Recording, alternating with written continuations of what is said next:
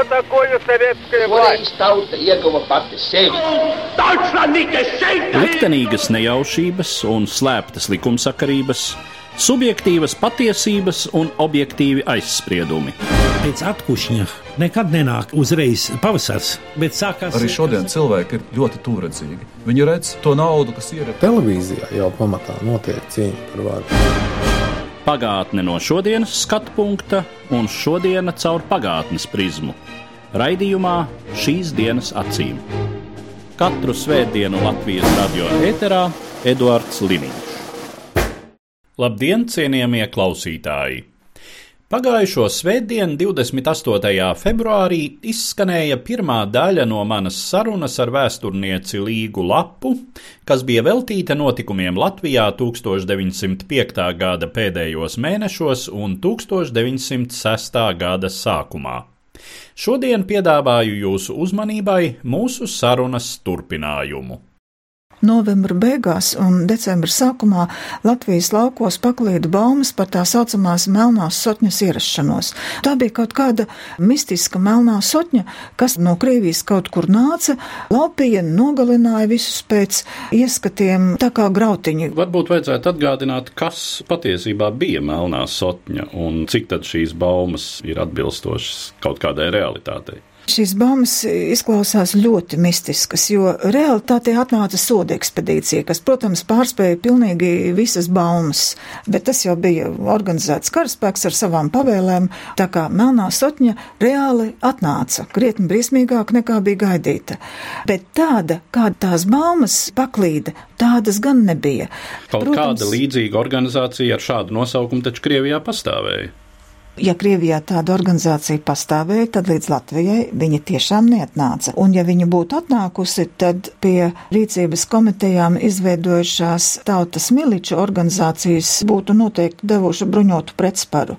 Un visas šīs ieroču konfiskācijas, kas radās, tās bija ar domu netik daudz veidot bruņotu sacelšanos, kā tieši aizstāvēties pret šādu veidu uzbrukumiem. Un no otras puses, ja mēs skatāmies uz kriminogēno situāciju gan pilsētās, gan laukos, tad jāsaka, ka viņa nebija diez cik jauka. Zaga zirgus, aplaupīja mājas. Katrās mājās īstenībā bija bise, ko tādos gadījumos šaut pretī, un tas nebija nekas tāds īpašs notikums, ko pagastā kādu māju naktī aplaupīja. Tas bija tāda dzīves realitāte, to mēs varam palasīt tā laika presē, tā vienkārši notika. Nu, un šī gadījumā vāca tos ieročus, lai pagasta miliči varētu pretoties, bet savukārt, tad, kad atnāca soda ekspedīcijas, tad šo procesu uzskatīja par bruņošanās mēģinājumu pret uh, varu, pret patvaldību. Un tad jāsaka, ka šo ieroču konfiskācijas gadījumus arī pēc tam tiesa klasificēja kā bruņotu laupīšanu, skrupulozi izmeklējot, vai tad, kad atnāca un prasīja atdot ieročus, vai tas bija bruņots vai nebija bruņots. Nu, ja viņš bija bijis kaut kādās mežsarga mājās, kur jau vienu bisi dabūjis, tad tā bise viņam braši atradās plecā, un viņš ieradās nākošās mājās un prasīja nākošo ieroci, bet jau bija bruņots. Un tad, lūk, šo varēja klasificēt jau kā tādu bruņotu laupīšanu, par ko bija citi panti un citi katorgas gadi. Runājot par šo varas pārņemšanu, no vienas puses tātad skaidrs, ka tas notiek tāpēc, ka varas struktūras, sevišķi laukos, jau labu laiku ir tādā paralizētā stāvoklī. Policisti ir arī vai nu aizbēguši, vai daži arī nogalināti. Kādam jau tā kārtība ir jāuztur, acīm redzot. Nu jā, un kārtība šajā laikā uzturēja tautas miliči. Nu, protams, tur piedalījās pārējie rīcības komitejas dalībnieki un, protams, arī sociāldemokrātijas lauku centra pārstāvi. Viņi visi darbojās kopā. Bet šeit arī ir viens tāds moments, ko es gribu piezīmēt, ka tika šīs ieroču konfiskācijas veiktas arī mūžās ar domu, ka mūžās atrodas kaut kādi ieroču arsenāli. Mūžās šur tur jau bija kādas bises, bet pamatā tad, kad tika veikta šī ieroču konfiskācija, tad tika atlausti skapji. No skapiem bija šis tas paņemts. Un skatoties pēc izmeklēšanas lietām, tur ir tā, ka tur iet Jānis ar Pēteri. Pēters ir pirmoreiz mūžā mužnieka pilī, Viņš grib par piemiņu paņemt, nu, teiksim, šo te lietu. Jānis ietais Pēteru un domā, ah, Pēters paņēma, nu, es jau arī paņemšu. Un tad šīs grupas itin bieži ja viņās nav disciplīna, un ja viņu vadītāji uz to ļoti neskatās, itin bieži palaupa. Un tad atnes mājās un stāsta, redz, kā es jau tur biju. Tad nākošā dienā pastāsta kaimiņam, redz, kā tur, redz, tas tur bija un tas tur to paņēma. Un, protams, notiek attiecīgo lietu izmeklēšana, tad izrādās, ka šī ziņa jau ir aizklīdusi ai, cik tālu un Mājās ierodas soda ekspedīcijas nodaļa, jo, lūk, tu esi piedalījies pilslaupīšanā. Nu, tā reāli dzīvē notiek. Bet pašās novembra beigās, tātad novembra pēdējā nedēļā un decembra pirmajā nedēļā visa Latvijā notiek tāds process kā mužnieku piļu postīšana un dedzināšana. Skaitļi reāli kas vēstures literatūrā figurē, tie ir, ka vidzemē ir 418, kurzemē 459, bet īsti negribas šiem skaitļiem ticēt, jo šos postījumus saskaitīt un klasificēt tas nepavisam nebija viegli. Tur bija dzīvojamās mājas, tur bija saimniecības ēkas, tur bija rūpali pie muižām, tur bija kalpu dzīvojamās mājas. Varbūt, ka šeit ir uzskaitītas tikai reāli šīs muižu dzīvojamās mājas. Nu, un, protams, mēs zinām, ka ārkārtīgi liels kultūra vēsturisko vērtību zudums, gleznas priekšmeti, dažādi vēstures materiāli, arhīva materiāli, ļoti daudz, bibliotekas ļoti daudz. Kas ir iemesls, kāpēc sākas šī postīšana, dedzināšana? Es saprotu, ka tūdaļ pēc revolūcijas un arī vēlākos gados tā sacīt revolucionāru atmiņās ir tas, ka šie mužnieki bija bruņojušies, viņi bija organizējušies, viņi pirmie sāka šaut, un tad nu, mums nekas cits neatlika. Nu, tad, protams, cīņas karstumā vai pēc tam tādā taisnīgā atriebē, tad mēs to darījām. Faktiski, ja mēs ar šodienas perspektīvu skatāmies, tas ir no vienas puses psiholoģiski izskaidrojami, ka latviešu zemniekam varēja būt nepatika pret šo mužnieka dzīvesveidu, pret viņa skaistākajām mēbelēm, lielāko bibliotēku, gleznām un tā tālāk. No otras puses, tas ir tāds ļoti neglīts vandālisms. Jā, bet šo vandālismu mēs esam aptvēruši ar daudzu gadu nobīdi. Piemēram, skatoties Latvijas laika materiālus, tur jau par šīm piļu postīšanām un dedzināšanām vairs tā kā nerunā. Tur nerunā par divām lietām. Tur nerunā par baznīcu demonstrācijām un par spiegu nogalināšanu un par šīm dedzināšanām, jo šī lieta ir no vienas puses diezgan nērta, un no otras puses tie dalībnieki jau tā kā ir diezgan dzīvi visi. Bet viņiem tas atmiņas trūkums ir tāds, ka nekādīgi. Piemēram, Cielēns savos memoāros arī neraksta, ka viņš piedalās policista nogalināšanā. Viņš kaut kā to epizodu apraksta, bet tieši to viņam uzreiz atmiņā aizskrīt, un to viņš tā ne, bet policijas materiālos tieši nosauc. Jo piebildīsim, ka vidēji latviešu sociāldemokrāta dzīvesveids starp pasaules kariem ir diezgan tūs tam, kā dzīvo mužnieks Latvijā pirms Pirmā pasaules kara no ērtību, no dzīves kārtības un tādas izjūtas viedokļa. Jā, nu tas būtu normāla cilvēka dzīvesveids, varbūt šodienas acīm skatoties, bet lielai daļai Latvijas zemnieku jau tas bija kaut kā tik ļoti tāls sapnis, ka mūži viņu acīs, acīm redzot, bija kaut kas tāds, un arī Es domāju, ka tur ļoti liela ietekme cilvēku vēsturiskajai atmiņai, teiksim, 19. gadsimta klaušu laiki. Acīm redzot, ka viss, kas ir vēsturē viena no vissmagākajiem, visvairāk zemnieku apspiestības laiki. Nu, kad mēs varam tiešām runāt jā, par reālu eksploatāciju. Jā, jā, ka tas viss bija tā sakoncentrējies, ka tā piļu postīšana un dedzināšana notika ar tādu vieglu roku, kaut gan tā grūti iedomāties latviešu zemnieks, kurš katrs kaut kādu sīkumu turēja ar domu, ka varbūt kaut kad noderēs, kad viņam katra materiālā lieta bija ar savu vēstījumu darījumu un savu pielietojumu, ka viņš varēja mierīgi daudzīt stiklus un petroleju lietu un dedzināt.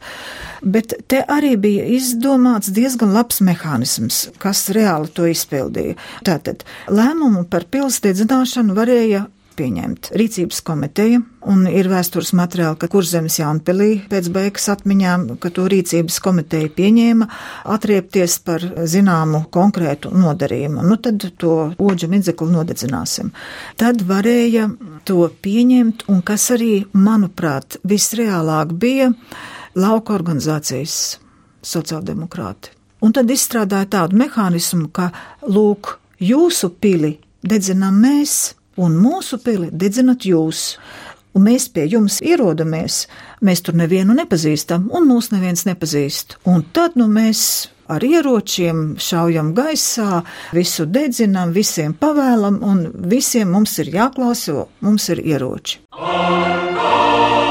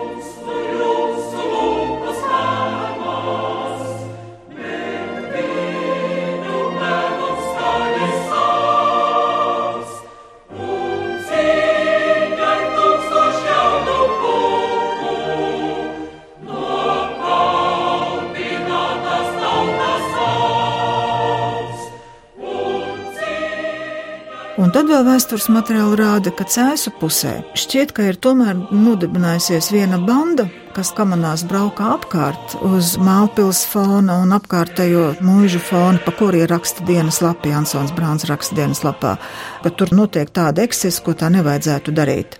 Bet citur notiek diezgan līdzīgas lietas.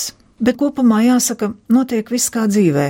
Šur tur mūžas kalpi bruņojušies stājas pretī, neļauj. Šur tur mūžnieki, kas vēl tur dzīvo kāds iekšā, nodod savas dārglietas zemniekiem glabāšanā, nodod mantas glabāšanā, un visas mantas tiek reāli atdotas atpakaļ. Šur tur mūžu kalpotāji glāb šīs mantas un atkal atdod atpakaļ.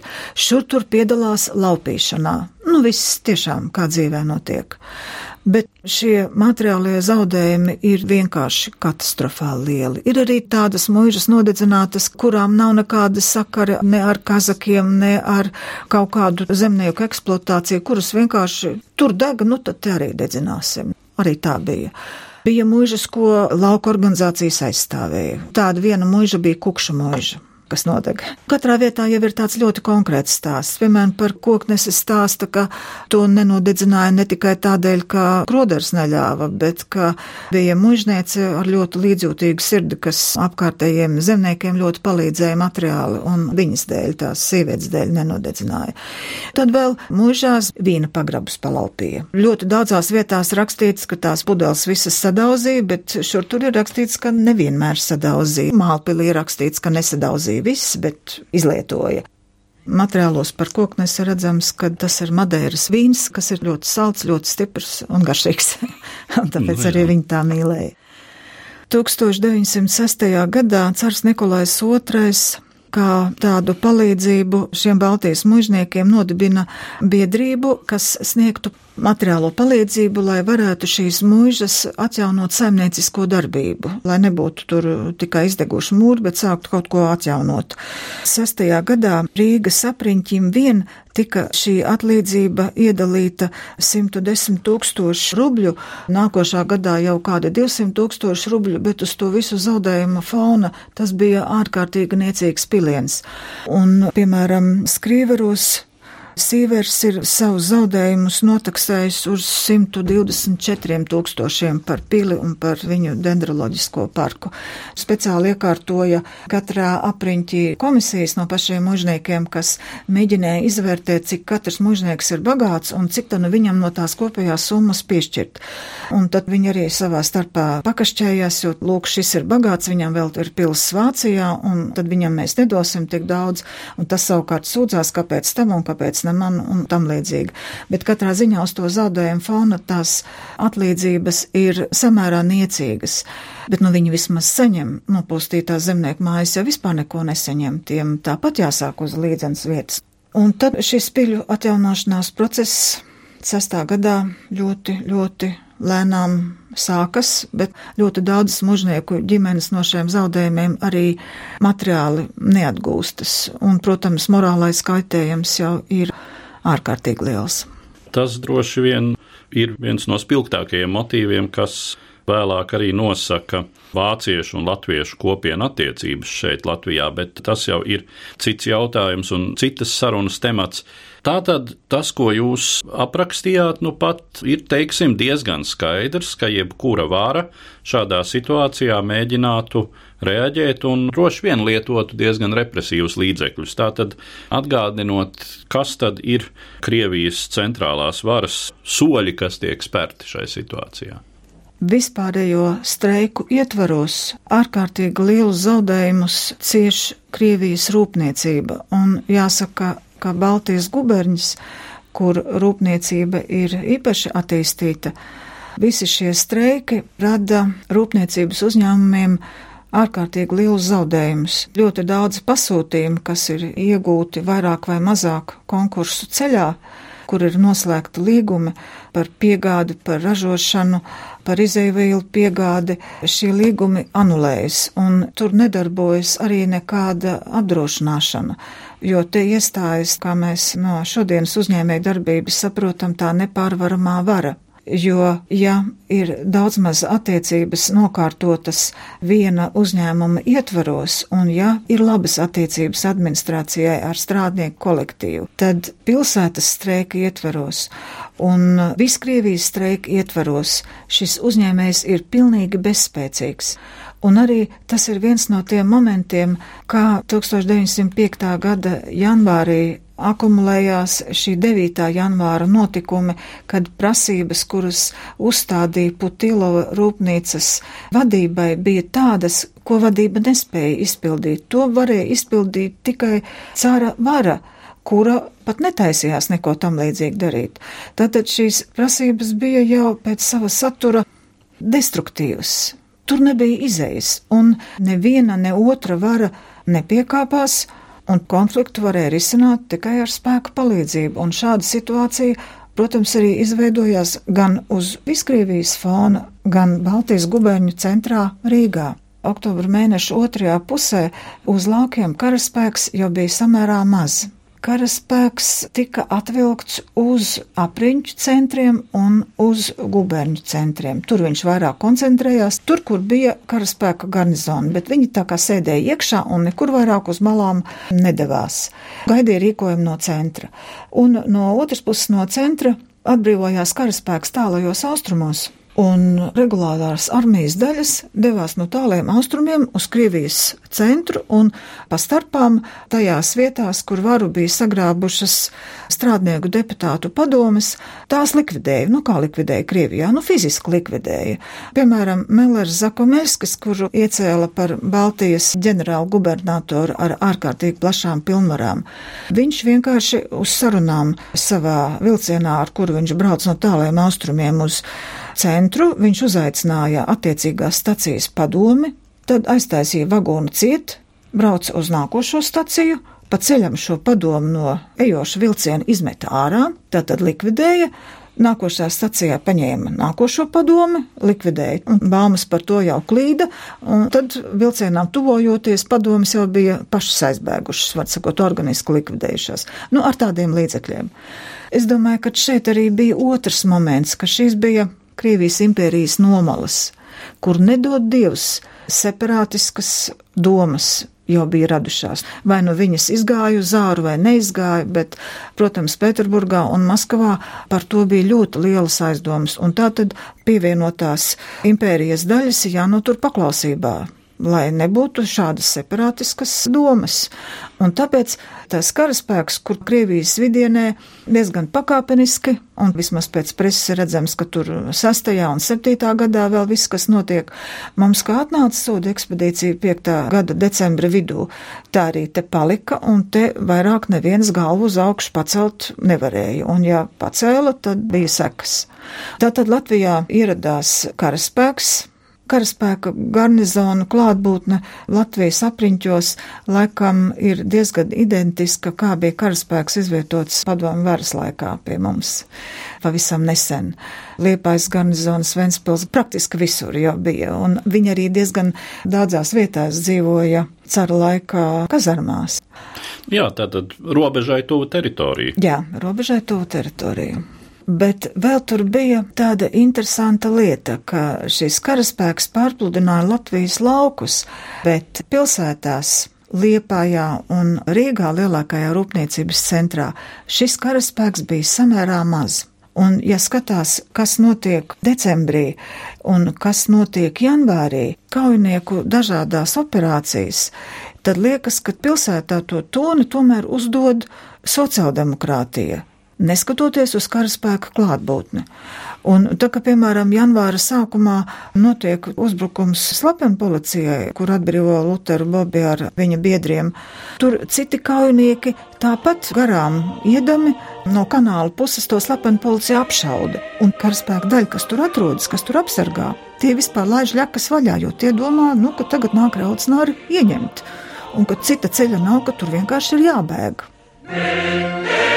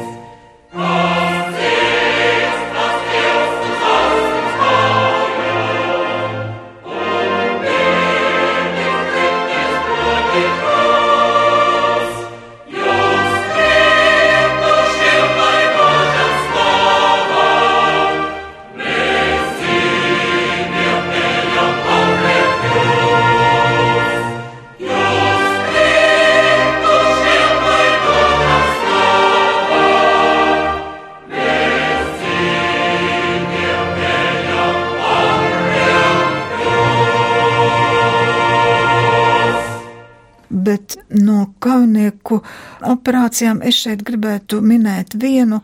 Tas ir 20. decembrī kaunieku uzbrukums Provedņiku rūpnīcas kazarmām.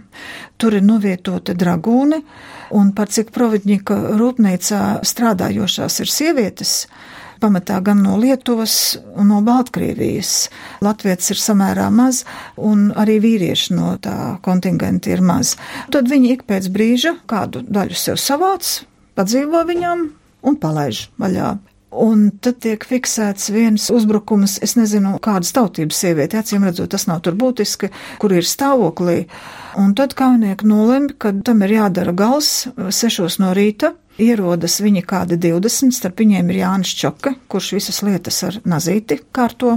Un tad viņi tās dragūnu kazarmas faktiski izgriež un izšauj un aizbrauc. Un tad, kad pārējie strādnieki ierodas uz darbu, viņiem īsti par to, kas ir noticis, nav ne jausmas.